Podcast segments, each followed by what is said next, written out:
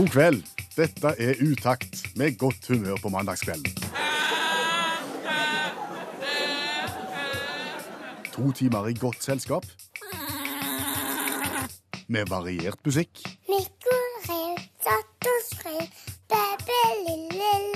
Per Øystein Kvindesland. Og Bjørn Olav Skjæveland. Jeg erklærer herved Radioprogrammet Utakt. for åpnet. Og mandagen går mot slutten, mens utakt er i startfasen. Var ikke det poetisk sagt, Skjæveland? Ja, lyrisk alt. Jeg vil si det. Ja, ja, det, Du skulle vært poet, du, på Øystein. Da kan du ta formålsparagrafen. Ja, formålsparagrafen til Utakt er veldig enkel. Eh, Vi skal være et radioprogram som skaper godt humør på mandagskvelden, og så skal vi prøve å være godt selskap. Og hvis vi får til det, så er mye gjort. Og så begynner vi litt seint på jobb når vi har disse vaktene her. Og det betyr at vi får gjort en del eh, på dagtid hjemme. Jeg har fått støvsugd en del. Hva har du fått gjort? Nei, jeg har bretta klær, eh, men det som tok mest tid, det var jo å skrive en ESTA-søknad. En ESTA-søknad. Hva er det for noe? Det er et mirakels av et dokument som du må fylle ut hvis du skal reise til USA. Jeg har fulgt ut det for meg, kona og ungene. Og, og ja Det er side opp og side ned, og det er så med adresser og datoer og passnummer og om du er mann eller om du er dame, og hva arbeidsgiveren din heter, og hva adressen er, og hvor skal du bo når du kommer til USA, og hva telefonnummer har de, osv. De vil vite mest mulig om deg før du kommer. Ja. Okay. Og, og det som slår meg i dette dokumentet her, det er jo at de spør om noen litt rare ting, syns jeg. Hørtes ikke sånn ut hvor du bor hen, arbeidsgiver, eh, fødselsnummer osv.? Jo, men de spør eksempel om jeg har smittsom spedalskhet. Det spør de om. Ja, eh, det har jeg ikke, så der svarte jeg jo eh, nei. Men så tenker jeg jo, hvis du har smittsom spedalskheder, eh, ville du da svart ja? For da kommer du jo ikke inn i USA, vil jeg tippe. Det er jo vel derfor de spør. Så svarer du ja, så har du på en måte sagt at du ikke får lov, så dermed så, så lyger du. Og så spør du jo meg òg her om jeg, eh, om jeg har eh, vært involvert i terrorvirksomhet, spionasje, sabotasje eller folkemord. Ja, Det er du ferdig med. Ja, det har jeg aldri vært borti, så der kunne jeg med, med hånda på hjertet trygt svare nei, men jeg tenker, er det noen noensinne som har svart ja på det spørsmålet på dette her ESTA-søknadspapiret? De bor iallfall ikke i USA nå, hvis de har gjort det. Nei, men altså, hvorfor spør du om sånt? Sant? Har du noen gang begått bedrageri for å hjelpe andre å få tak i et visum, eller komme seg uriktig inn til USA? Jeg svarte jo nei på det, men, men, men har de gjort det, så svarer du jo ikke ja. De svarer jo nei. Mm. Så jeg sier liksom, hva er bakgrunnen for disse spørsmålene her, når du ikke får noen som svarer ja? Det høres jo utgangspunktet ganske tåpelig ut, men så tenker jeg det sitter nok høyt utdanna folk og har tenkt, og har sikkert en god grunn for, for å gjøre det. Vil jeg Så- tro. Som vil du tro, ja. Som for eksempel. Ja, nå har jeg ikke tenkt mye på dette. Nei. Det kom litt bardust. Men, Ja. men, men jeg tenker at eh, hvis OK, hvis du lyger og sier du har ikke deltatt i noen form for terrorisme, folkemord eller noe som helst, du, sier, du svarer nei på det, og så får du flytta inn i landet, eh, og så gjør du et eller annet sånn, no, noe steingale, etter at du har flytta, da kan de ta deg på A, det du gjør, og de kan ta deg på B, du har urettmessig eh, kommet deg inn i landet, du har løget ved innreise, altså har de all verdens grunner til å hive deg ut av landet eller sette deg i fengsel. Ja, så, så, så OK. Så, så hvis du da eksempel begår en terrorhandling sant? I, i USA og blir tatt for det, Ja. så mener du at straffen må jo bli mye strengere hvis du i tillegg har svart eh, nei på skjemaet når du søkte om sånn ESTA-opphold. Altså det er liksom eh, livstid i fengsel eller livstid i fengsel pluss tre kvarter av at du svarte feil på papirene. Det kan være de ser veldig strengt på lyging ved innreise, og så, Ja, ja. Så, så dobler de, vet ikke. Men altså, jeg skjønner hvorfor de spør. Altså, De spør fordi at de skal prøve å avsløre folk som de ikke har lyst til å ha på besøk i landet sitt. Ja, ja. Men da må du jo ikke stille spørsmål som enten folk svarer sant på, og så, som er helt ufarlig, eller som folk lyger på. Fordi at det, er jo ingen her som vil, vil svare sant. det har vi skjønt. Alle ja, svarer likt. Ja, sant. og, og dermed så må du heller prøve å finne på noen andre spørsmål, tenker jeg, for å eventuelt sile ut hvem du vil skal komme inn i landet, og hvem du vil ikke skal komme inn i landet. Og her må du, som, altså her nå, hvis det er noen amerikanere som hører på nå, så må du bruke mer kløkt. Du må finte. Du må komme med spørsmål så, så folk svarer på helt ærlig, og som de ikke tenker betyr noe, men som faktisk forteller ganske mye om folk. Ikke om de har begått folkemord eller noe sånt, det, det, der får du ikke. Hva vil du at de skal spørre om da? For eksempel, spiller du blokkfløyte? Og svarer du ja på det, ikke inn i landet. Ja, ikke nødvendigvis, men, men kanskje. Altså, Du er på grensen, da, og så spørs det litt hva du svarer på de andre spørsmålene. Men spiller du blokkfløyte aktivt, eksempel? Det forteller ganske mye om folk. Det gjør det, altså. Liker du idretten polo? Hva er polo? Ja, polo er jo den mest idiotiske idretten i hele verden. Det er jo innebandy ute på hest med lange køller. Ja. Sant? Og hvis du er interessert og opptatt av den idretten der, så kan det være at du har andre mangler òg. Ja, selvfølgelig. Som du ikke ønsker. Mhm. Ja, og for eksempel et annet fintespørsmål. Altså, liker du sangen Red Red Wine med UB40? Og svarer du ja på det, så bør det jo være nei. Et du, du, blankt nei. du er diskvalifisert med en gang. Har du eksempel sneg i bilkø? Svarer du ja på det, så forteller det ganske mye om moralen til deg. Og, og har du noensinne eh, gått ut og, og kjøpt inn produkter som skal gi deg hårveksten tilbake igjen? Det, det betyr jo at du er en liten naiv sak, for eksempel. Sant? Og dermed så forteller du ved hjelp av fintespørsmål ganske mye om deg sjøl. Og jeg tror det er mye enklere å profilere de som ikke skal inn i landet, enn å spørre har du begått terrorisme. Dette er utakt i NRK P1. Du, Ja. eh, den banken som jeg sokna til ja. Eh, De har en sånn fiffig greie eh, der jeg kan gå inn og designe mitt eget minibankkort. Hva bank er det? Det er en bank som begynner på Sparebanken og slutter på Est. Sparebanken Hest. Ja, det er såpass nært at det må vi nesten eh, godta.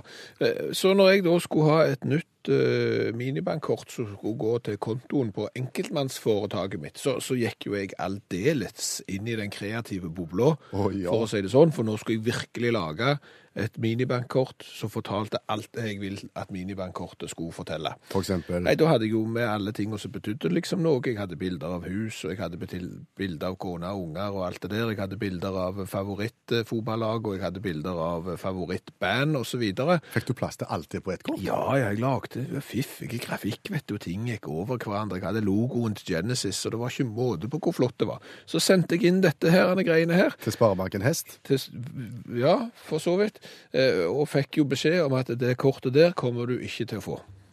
Og de aksepterte ikke designet ditt? Nei, fordi at eh, jeg hadde da brukt elementer eh, som jeg ikke hadde, opphavsretten til. Altså logoen for eksempel til Genesis er det jo ikke jeg som har lagt. Nei. Eh, Så dermed så, så fikk jeg ikke lov til å produsere det kortet. Så da gikk jeg jo tilbake til det grafikkprogrammet. Til tegnebrettet? Ja, og så endret jeg litt på det. Så tok jeg for eksempel et bilde av Phil Collins jeg hadde tatt selv. Ja, for han har jo du håndhilst på. Ja da, så jeg tok et bilde der jeg hadde tatt selv, og så droppet jeg Genesis-logoen eksempel, og så sendte jeg inn kortet på ny, og det fikk jeg heller ikke lov å ha. Hva sa Sparebanken Hest da? Nei, jeg har ikke opphavsretten til bildet av Phil Collins, selv om det er jeg som har tatt det, for han har på en måte opphavsretten til sitt eget ansikt, så da Åh. røyk jo den også, sant? Hva gjorde du da? Nei, da uh, ga jeg opp. Da bestilte jeg et som var nesten helt ensfarga, for det var på en måte målsettinga. Akkurat. Og hvordan opplevde du å få det? Ja, det gikk greit, heldigvis. Eh, Men, men det som var det flotte, ser du, og som, som gjorde at jeg begynte på dette her denne komplekse kortet som jeg hadde lagd, det var at alle disse elementene jeg hadde med, lagde ei flott ramme rundt kortet. Mens midten, stripa som går omtrent midt på kortet, fra venstre mot høyre, den var ensfarga og relativt hvit. Og det var planlagt. Og det var planlagt. Det var det jeg ville ha, og det var derfor jeg måtte bare, når jeg ikke fikk lov å ha alle de elementene, så gikk jeg for et ensfarga kort. Hvorfor det? Fordi at de andre kortene som bankene ofte sender ut, de er jo komplett uleselige når du skal lese det kortnummeret som står midt på. Det som er prega inn i kortet? Ja, nå skal du få over pulten her nå, så skal du få mitt visakort som heter lønnskontoen min, som jeg har fått tilsendt, som er utstedt av Sparebanken Hest? Hest, ja. Eh, og som, så der de har valgt motiv for meg, som jeg ikke har valgt selv. Eh, hva motiv er det på det? Det er norske fjorder og fjell. Det er norske fjorder og fjell, ja. Ja, og, og det er fjorden som, som på en måte preger midten av bildet. Og det er umulig å se tallene som er prega inn i det. Ja, det er det. Det er faktisk det. Det er komplett umulig å se tallene, for det er jo sånn når du har et visakort, så er jo kortet sånn at det er liksom nesten som blindeskrift nesten. De, de uthever disse bokstavene. Men du må, du, må, du må vri og vende litt på kortet, sånn at du får en perfekt vinkel, sånn at lyset faller på pregingen på et visst punkt. Da kan det være mulig å lese halvparten. Ja, halvparten. Og dette, dette problemet syns jeg at bankene nå må ta virkelig ansvar for. Det mener du òg, for jeg vet du har samme problemet. Ja, ja, for jeg er ikke, spa- jeg er ikke Sparebanken Hest. Nei. Jeg har, har det som heter Sparebanken 1. Ja. Og det har et kjempemørkeblått kort, Ja. ensfarga, og det er så mørkt og svart. Og det er også tallene, så godt som. ja.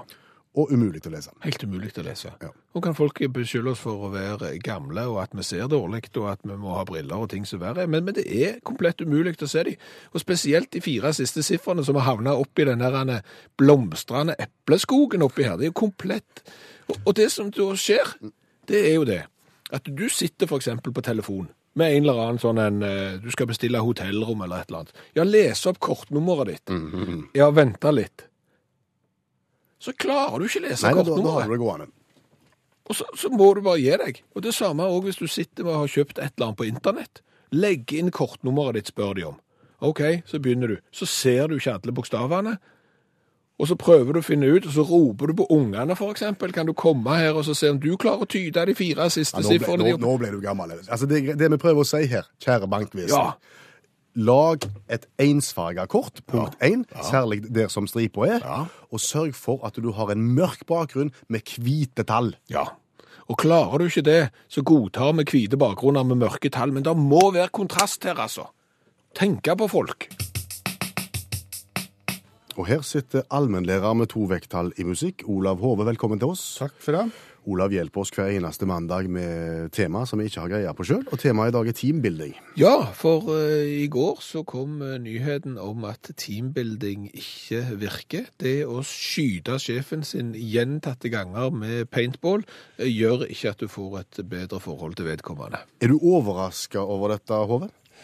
Ja, egentlig, for jeg har jo vært med på masse sånt sjøl. Jeg har jo krasja i sjefen med gokarten, jeg har skutt han med, med maling, og jeg har rappellert, og, og lik, og for samholdet sin del. Og det viser seg at dette er forgjeves, ifølge Kenneth Stålseth ved NTNU. Uh, så jeg ble jo litt forsuppa, da. Her, her har vi utsatt oss for ekstrem fare, bare for arbeidsmiljøet sin del, og så viser det seg at det ikke virker. Og Da er jo spørsmålet skal vi eh, heve blikket og se om vi kan lære noe av utlandet. Hva gjør de i utlandet? Nei, jeg sitter litt på ledende kompanier. Jeg sitter på The Team Building Company i England f.eks. De tilbyr jo både inne og ute aktiviteter. Ute så har de jo såkalt spionskole, som de reklamerer mye for. Så i tillegg til spionering så kan du få våpentrening. Maskeringskurs og avansert kjøring, deriblant blindekjøring. Eh, for å styrke samholdet, tydeligvis. Det er det de er sterke på. Jeg vet ikke om spioneringskurs er akkurat det du trenger for å styrke samholdet når du liksom begynner å se kollegaene dine i, i, etter i kortet, men det er nå Ja, greit. men maskeringskurs kan være greit i forhold til hvis du tar litt lange lunsj og slik, tenker jeg. Innendørs så tilbyr de tromme, trommekurs, altså samspill med kollegaene dine, i seks stive timer for å styrke samholdet. I tillegg så har de et asiatisk eh, matkurs. Virker litt umotivert, og jeg tror egentlig eneste grunnen til at de har asymatisk matkurs, er at de kan bruke det fiffige ordspillet eh, Team Wok. Eh, så det Jeg vet ikke. Går vi over dammen til America, så har du Team Bonding, som selskapet heter. De er gode på ordspill, det kan jeg si, disse her som driver med team, teambuilding. Uh, team Bonding de har sin store greie, det er bygd din egen minigolfbane. Um, Ikke spill, men bygg den. bygge. De deler ut utstyr, og så får du et, et område på 25 kvadrat. Det er skikkelig minigolf det her, da. Eh, passer for 24 til 300 personer, står det. Dette skal du gjøre på to timer. Eh, Florida Wildly Different er et selskap som eh, har teambuilding for folk som hater teambuilding.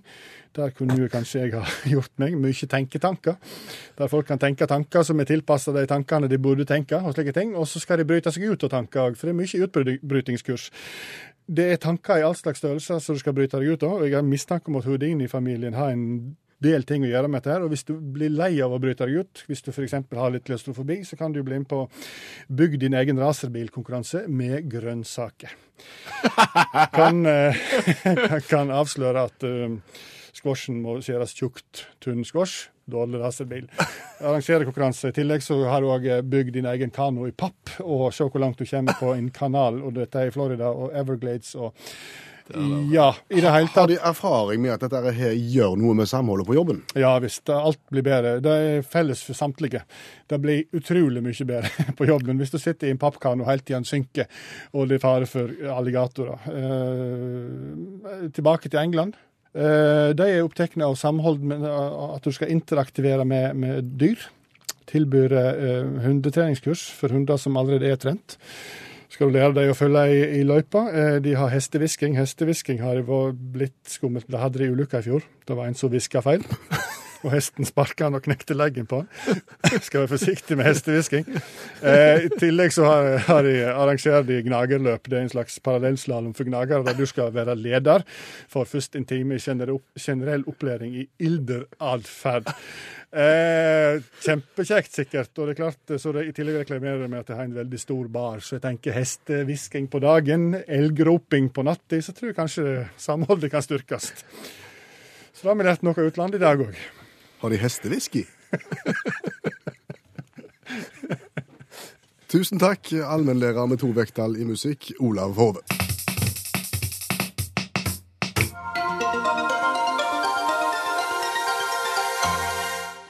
Her er falske nyheter og alternative fakta. Klokken er 14.30. Radioprogrammet Utakt skal sendes i store deler av Asia. Etter den formidable suksessen programmet nå har hatt i Norge, har land som India, Kina og Pakistan sikret seg rettighetene til NRK-produktet. Programmet skal fortsatt være norskspråklig, men blir simultanoversatt ved hjelp av Google Translate. Programleder i Utakt, Bjørn Olav Skjæveland, sier han er stolt over det som nå har skjedd, da han alltid har vært glad i indisk mat.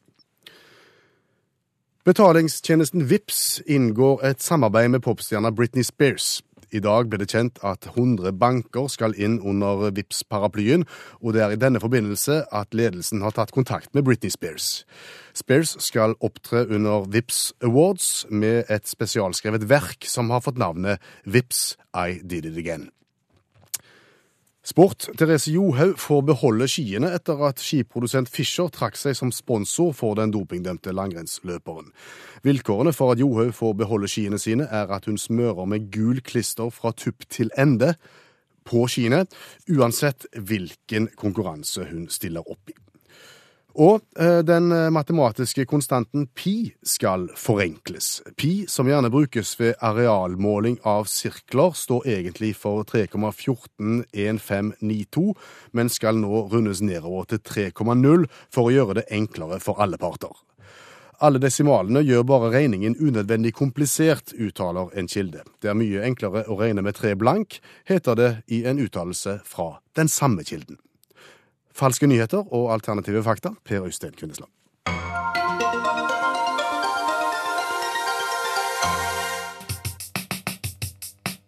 Hentesveisproblematikk.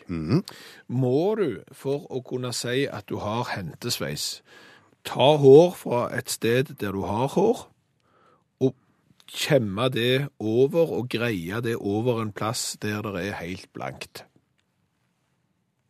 Svaret er ja, spør du meg. Det er jo derfor det heter hentesveis. Du henter hår en plass du har hår, og henter det over til et sted på hodet hvor du ikke har hår. Er du sikker? Ja. Hvorfor spør du? For jeg lurer på om jeg har hentesveis. Nei, nå sitter jeg og ser på deg, eh, og svaret er nei. Du har hår over det hele. Du har ikke henta hår fra en plass. Du har Jo. hår og lagt over til en plass du ikke har hår. Nei, men jeg har henta hår fra en plass. Hvor da? Altså, se, oppi her skylden her så har jeg henta Jeg kan forklare. Dette, at, dette, dette kan fort bli dårlig radio. ja, Jeg skal prøve å beskrive så godt jeg kan, da. Men, men bakgrunnen er at i dag så har jeg vært eh, modell for, for eh, Det var en hel frisørsalong som skulle ha sånn et eh, herre- og barberkurs. Hadde henta inn ekspertise fra eh, nord i landet, og, og der kom de inn og ordna opp, og, og det de skulle øve seg på, det var én type herreklipp liksom, som er veldig i skuddet, som jeg ikke husker hva heter, og så skulle det samtidig da ta skjegget. Og det var jeg, jeg visste ikke det var regler for det heller, jeg, men hvordan liksom alt det der skal barberes. Og der satt jeg i to og en halv time. To og en halv time? Ja, ja. Det er alle tiders.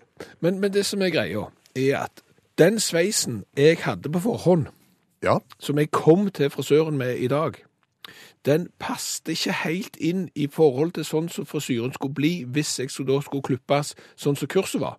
Fordi ja hvis jeg husker rett, så var du relativt nyklipt, faktisk. Ja, ja, relativt nyklipt. så jeg var jo relativt Så du hadde egentlig ingenting i den stolen der å gjøre, egentlig. Ja, det vil jeg ikke si. Men, men, men, men, men iallfall, jeg hadde, og det er nå folk må se for seg dette her ganske, ganske bra, at hvis du tar eh, ca. tre fingrer og legger opp forbi øret. Der hadde jeg en skyld.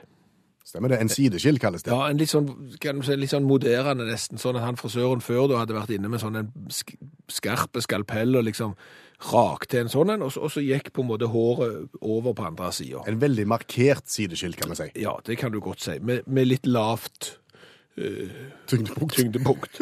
Eh, Den skillen som skulle lages i dag, Ja. den var betydelig mye høyere oppe på hodet, mer som plassert som den klassiske sideskillen, hvis du skjønner. Skjønner? Og dermed da, eh, når du da skulle klippe meg, så hadde jo jeg for lite hår på den sida fra før, for der var jeg så kortklipt i og med at jeg hadde så lav sideskille som jeg hadde. Sant? Og for å få den rette fasongen da, Ja. så måtte du lage den nye skillen, og så måtte du ta litt av det håret og greie tilbake igjen. For, for å dekke over at det mangla litt hår der, for å få den rette hodefasongen, skjønner du? Og så måtte du på en måte lime det litt fast med sånn hårvoks for å få det til. Så du har på en måte drevet motsatt hentesveising? Ja, det er det jeg lurer på. Altså, jeg har jo henta hår. Jeg har jo henta hår, for jeg har lagd en ny, jeg har lagt en ny skill. Jeg har henta fra den skillen der og greid tilbake igjen for å på en måte dekke over den gamle skillen. Og, det er jo hår under der, men det er litt mindre enn det skulle vært. Og dermed så føler jo jeg at jeg på en måte har en hentesveis. Ja, og hentesveis Folket får jo ofte problemer i vind. Ja. Eh, vil du få problemer? Hva, hva vil skje hvis at vinden tar tak i, i ditt produkt nå? Nei, jeg, jeg tror ikke det, det blir ikke Trump-tilstander. Det Nei. blir det ikke, for det er ikke så mange centimeter jeg har henta. Jeg har bare henta gjerne en tre-fire centimeter. Men, men vil den der kraftig markerte skillen fra forrige klipp, vil den komme til, er til mulig plutselig? den vil komme litt til syne under der, hvis, det, hvis, hvis jeg ikke får limt det skikkelig godt fast med voks. Så det er nå i planen da, for å få liksom komme over til denne nye sveisen, som frisøren har bestemt at jeg skal ha. Så, så eh, er det en sånn totrinnsrakett. Sånn at når dette nå får vokst ut, så går vi inn igjen, og så, og så gjør vi det en gang til, for da har det vokst ut langt nok til at jeg slipper å hente tilbake igjen, sånn som jeg har hentet nå. Så jeg stiller deg spørsmål igjen, jeg. Har jeg hentesveis? Sånn som du svarer nå, så er svaret ja. Men det som jeg tenker på, det er at jeg, jeg skjønner ikke at du våger å sitte modell, jeg, egentlig. For jeg vet at dette har du gjort én gang før i livet ditt. Blitt henta inn som en slags frisørmodell. Ja, Og da kom du ut, og da, så, da ble du kliss like. Han som styrte i Tyskland fra slutten av 30-tallet og fram til 45. Jo, men da gikk jeg til den frisøren jeg gikk til i dag, og så retta hun det opp, sånn at jeg ikke ligner på han lenger. Så liker vi å si at i utakt så gjør vi hverandre gode. Vi som lager programmet, og du som hører på, og nå har Hilde bidratt til å gjøre oss bedre. Ja, fordi vi har jo diskutert eh, disse bankkortene, som gjerne har så kompliserte motiv på selve bankkortet at når du skal lese selve kortnummeret som står eh, utheva i, i all denne punten her, så klarer du ikke å se hva det er. Jeg klarer eksempel ikke å se hva kortnummeret mitt er, når halve nummeret står plassert inni en eller annen sånn hardangersk fruktblomstrende skog der. Det er komplett umulig. Hva er det Hilde sier da? Da sier hun, ta bilde av det med mobiltelefonen. Det gjør jeg nå. Så ser du på bildet, og så kan du forstørre det opp og se om du da kan se det. Det pleier hun å gjøre. Og mitt kort slutter plutselig på 7928. Fantastisk råd til det. Dette burde jeg gjort for lenge siden. Nå har jeg det.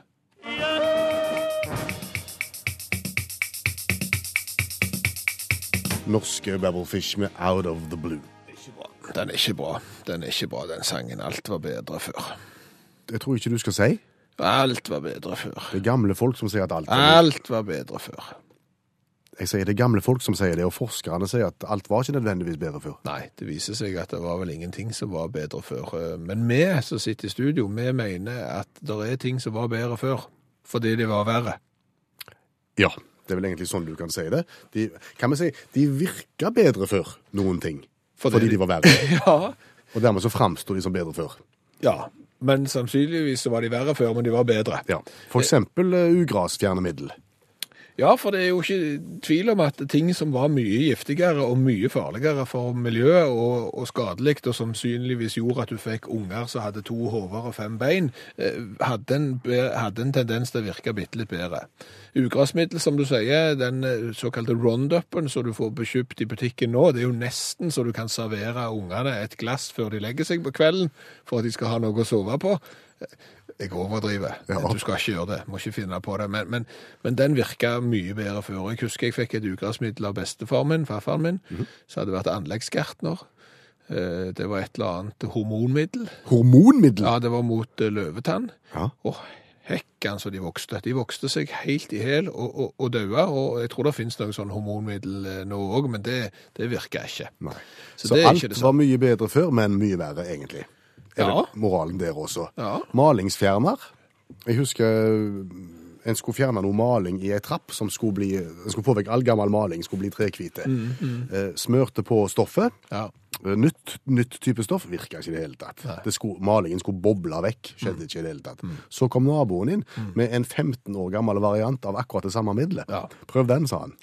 Og boble, boble, boble. Da virker den, ja. Ja, ja. Ja. Alt var bedre før, selv om det var mye verre, for den var jo livsfarlig å puste inn. Ja, og det er sikkert noen som savner kreosoten òg. Hva er det?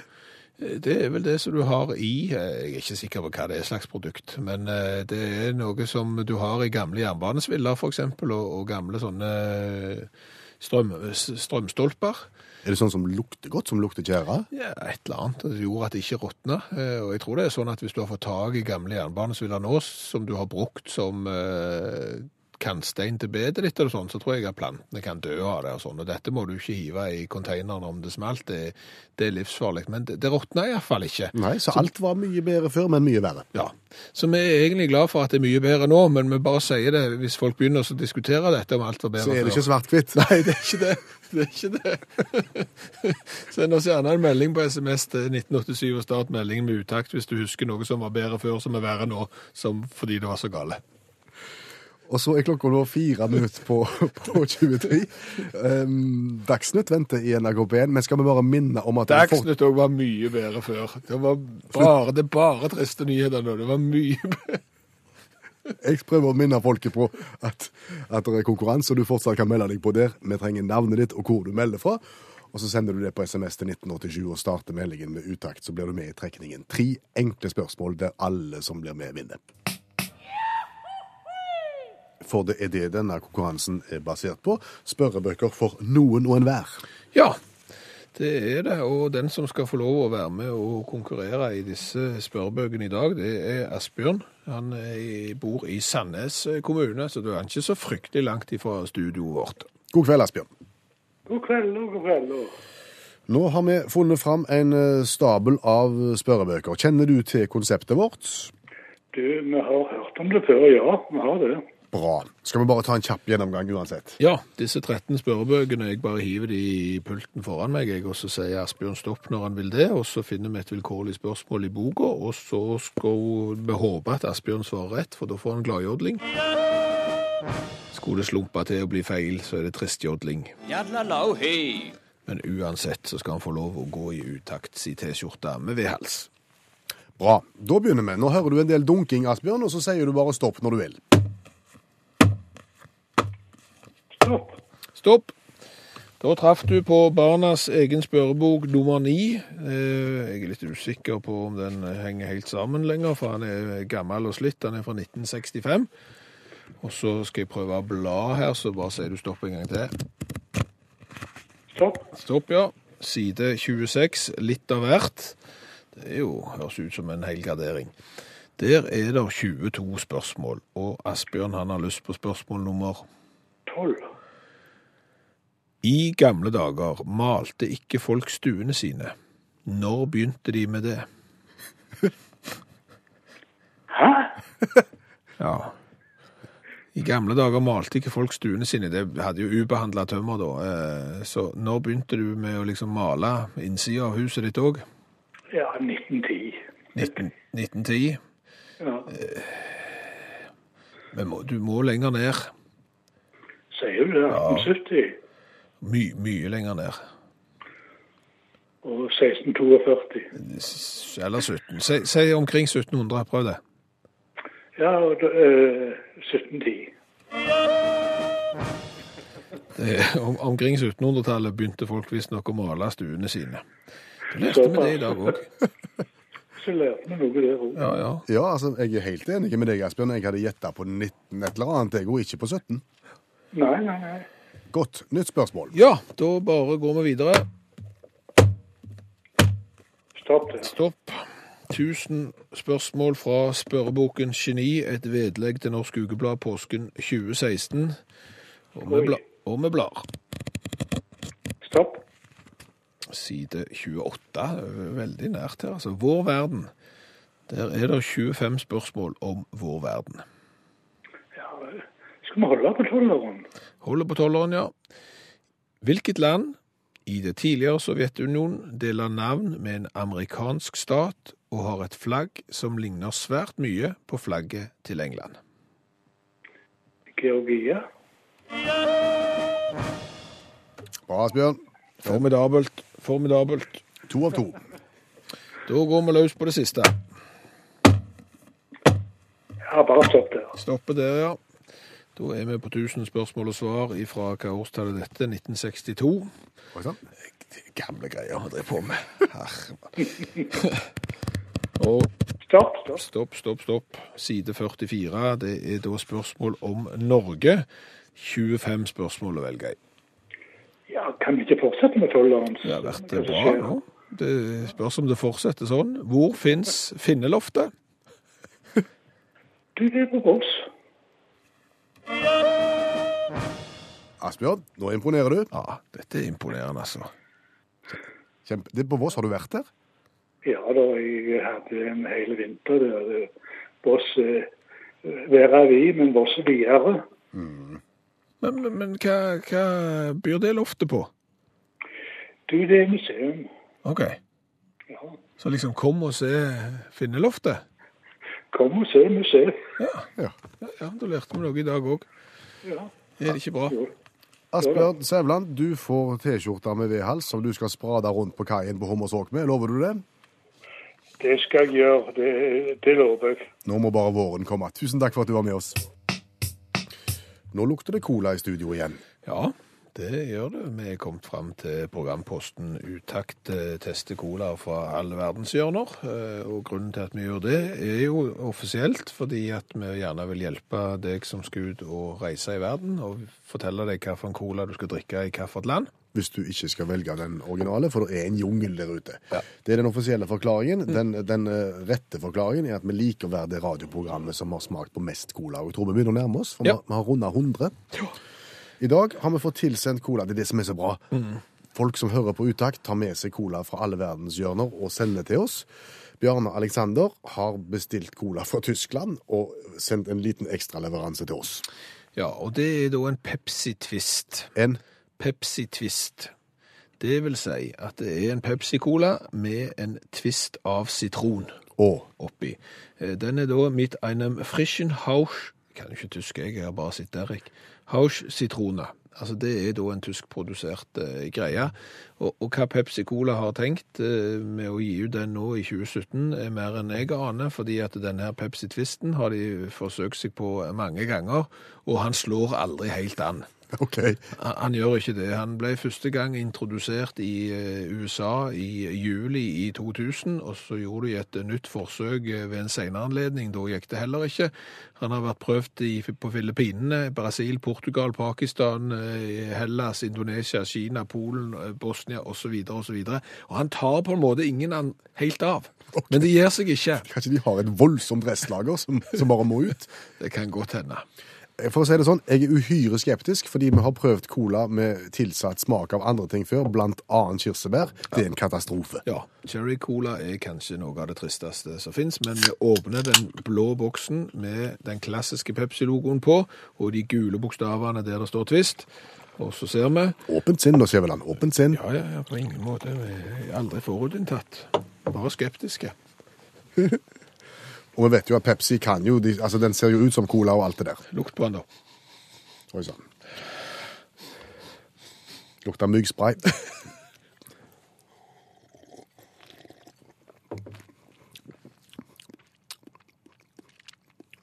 Ikke bli strengt, det. Nei. Det Altså- ikke verst, det der. Nei, men det smaker mer Twist enn det smaker cola. Så jeg føler at tvisten har fått litt for mye plass oppi colaen. Jeg, jeg, jeg, altså Av alle de der Vi har prøvd noen blandingsprodukt som er jo fullstendig katastrofe. Dette her var Det her var ikke verst, altså. Jeg, eh, det der eh, nå, nå, nå, Jeg må gi seks, fordi at vi har, vi har, det har vært så kolossalt mye vondt i det siste at den her, er- den Ja. her er ikke vond. Nei, det er, det er jo Jeg tror ikke jeg kan gi den mer enn fem. Du gir fem. For Hvis vi skal beskrive hva det smaker, så er det litt sånn som du var i, i barneselskap. Hvis du tok litt cola og litt sitronbrus og blanda, og lagde blandings, så har du Pepsi Twist. Ja, Eller når du f.eks. er på restaurant, så får du gjerne en sånn sitronbit oppi. sant? Istedenfor å la den ligge oppi og vage, så tar du og klemmer på den alt du kan. Da ligner det litt på dette her. Ja. Vet du hva? Jeg vil opp et hakk. Jeg vil gi seks, jeg òg. Se nå. Ja, se det er ikke vondt, sa du. Nei. Nei. Ingen vond ettersmak heller. Så spørs det, hvor kult er dette? Altså, det er jo annerledes. Det er annerledes.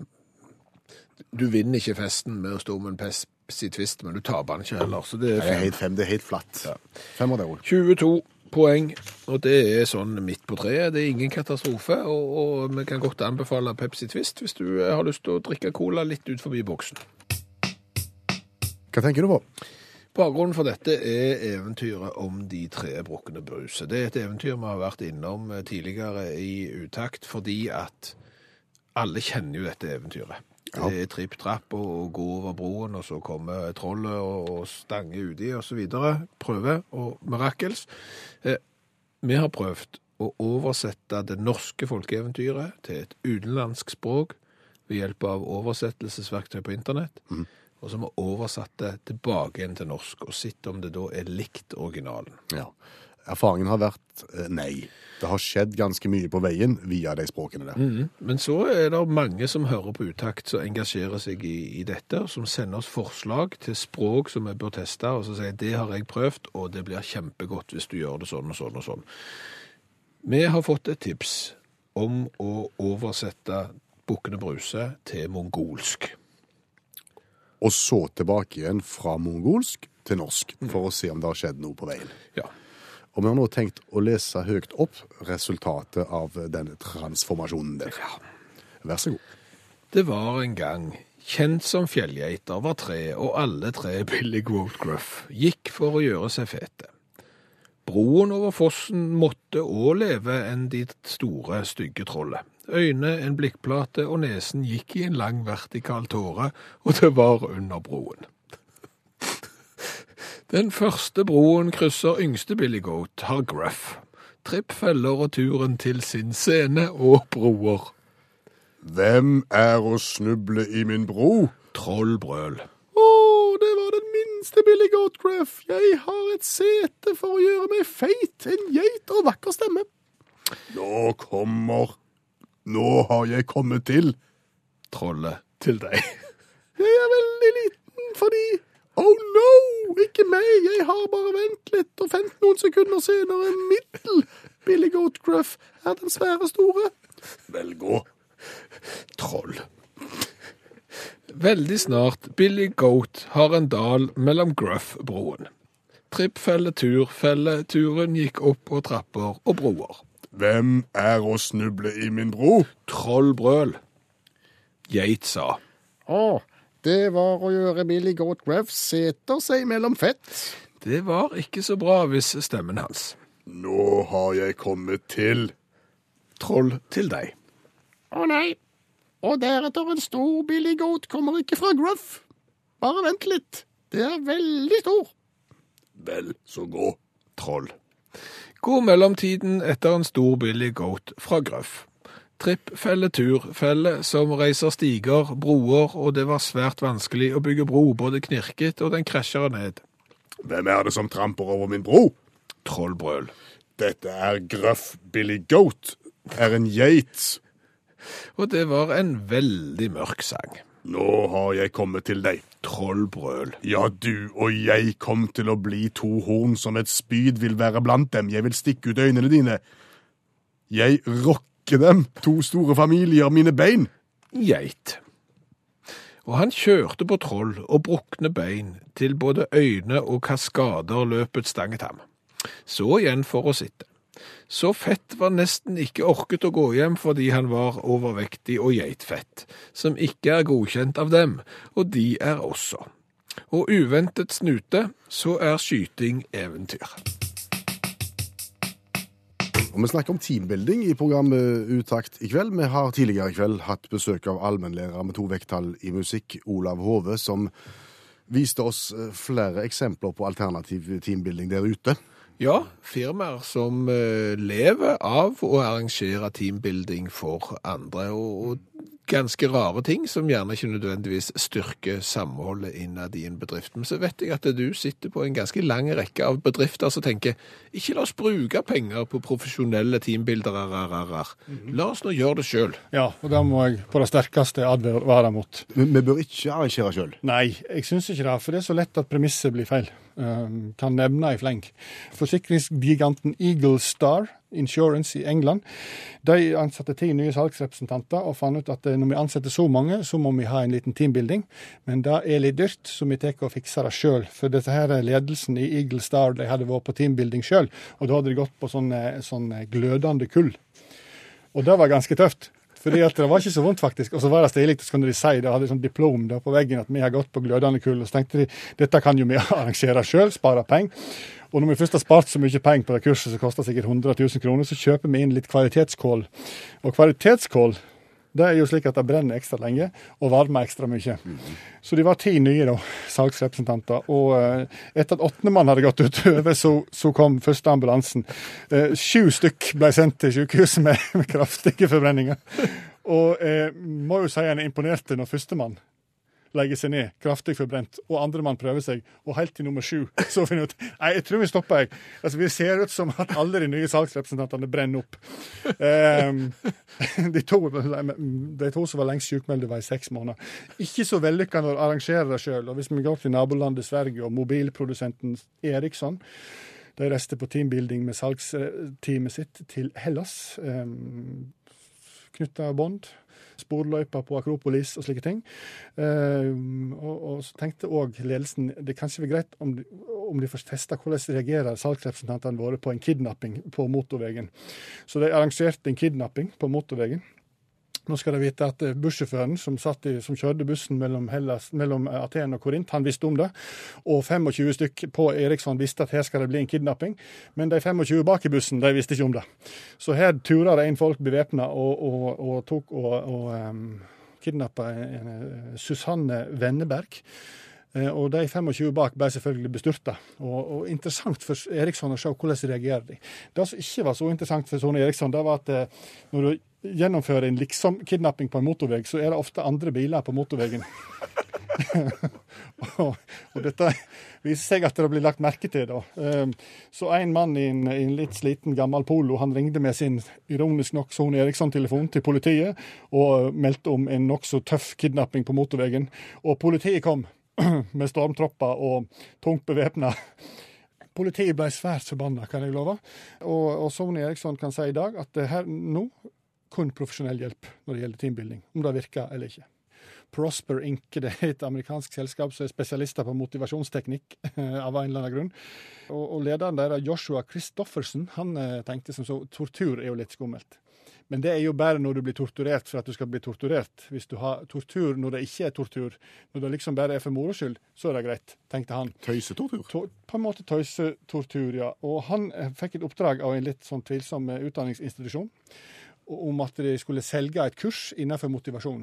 Og, og, og han Christoffersen han, han, han, fant ut at her må vi jobbe knallhardt. Vi må jobbe så knallhardt at jeg sliter litt med å forklare salgsrepresentantene mine hvor hardt de må jobbe.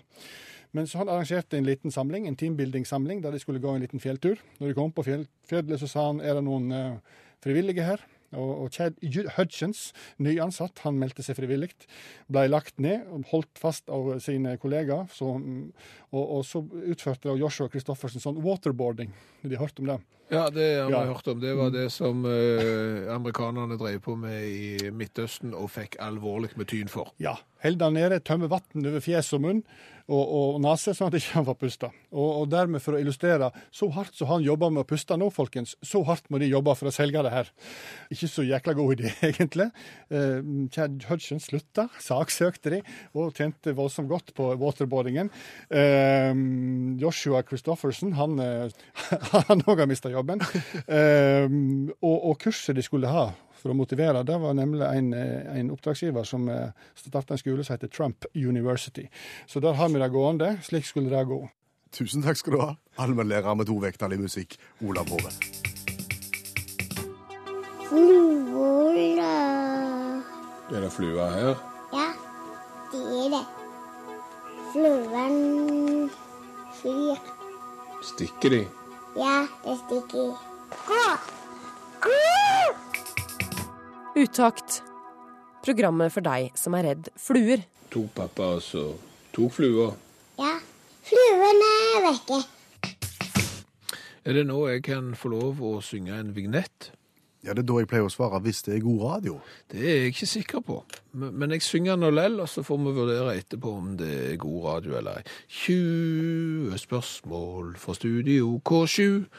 Uten publikum og uten band og uten postkort og i det hele tatt uten det meste. Vi sliter fortsatt med vignetten, men har fått tilbakemeldinger på at eh, konseptet er ålreit. Ja, det er jo en videreføring av det klassiske radioprogrammet 20 spørsmål, men i det programmet så er det jo et panel, og det er også sånn at eh, folk sender inn postkort med et ord på som panelet skal gjette. Vår vri er å gå inn på rubrikkannonser på internett, ta en av de sist ankomne rubrikkannonsene, og så skal du, Per Øystein, prøve å gjette hva produkt det er som er til salgs. ved hjelp av 20 spørsmål. Men for at dette skal være gøy for flere enn oss to, så må du nå fortelle alle som hører på Utakt, hva jeg skal finne fram til mens jeg stenger igjen. Drikkehorn i tinn. Drikkehorn i tinn.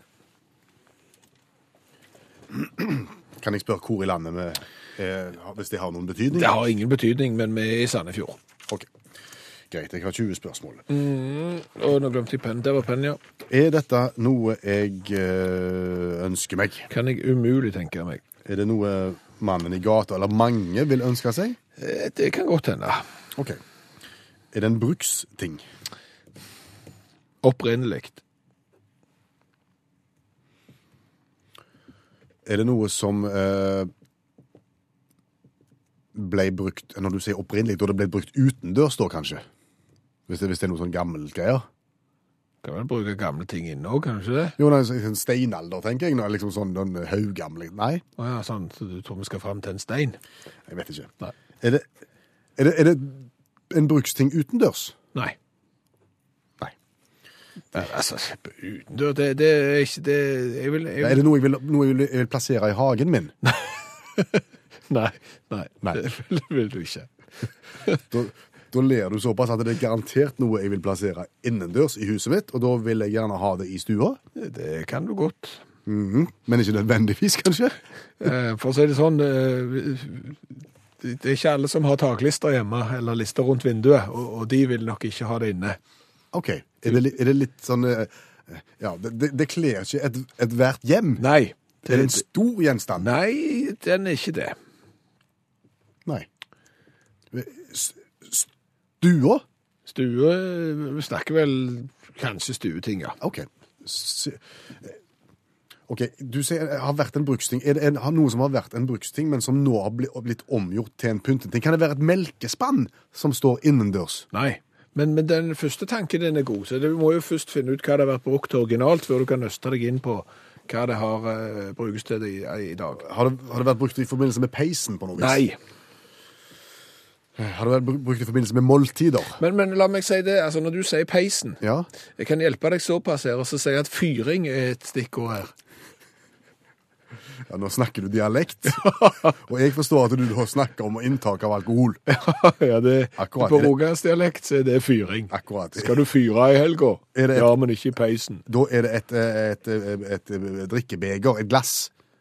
Nei, Nei, det er ikke glass. men det er noe du har drukket alkohol ifra. Det kan det være, ja. Det er det, det kan ikke bare være det. Nei, altså, ja, du, du, du kan... okay. Ja. Er det en kopp? Nei, Er det en flaske? nei. Du drikker av det. Hvis du ikke drikker av kopp Men eller så sa flaske vi- eller Så glass sa jeg jo at det var en historisk gjenstand som du nå har tatt inn til pynt, men som før ikke var til pynt. Ja, OK. Historisk. Noen drakk av ja, En sånn tre Nei. Trau? Nei?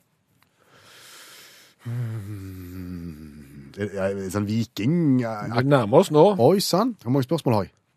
Du har eh, tre igjen. Å. Er, er- ja, er det noe en drakk av i kjempe, kjempegamle dager? Ja, jeg tror det. Ja, Vikingene, hva drakk de? Ja, de- Mjød drakk de. De drakk av Horn drakk de. Ja, de gjorde det. 19 spørsmål. Drikkehorn i tinn. 240 kroner. Da får du en 45,5 cm lang eh, drikkehorn med, med hele 6,1 cm diameter i åpningen, og du kan sikkert hive på både det ene og det andre av eh, mjød og andre ting. Men mest brukt som pyntegjenstand nå, ja. Og prisen var 240 kroner, men du må betale portoen hvis du vil ha det. Kan du be de holde den av til meg?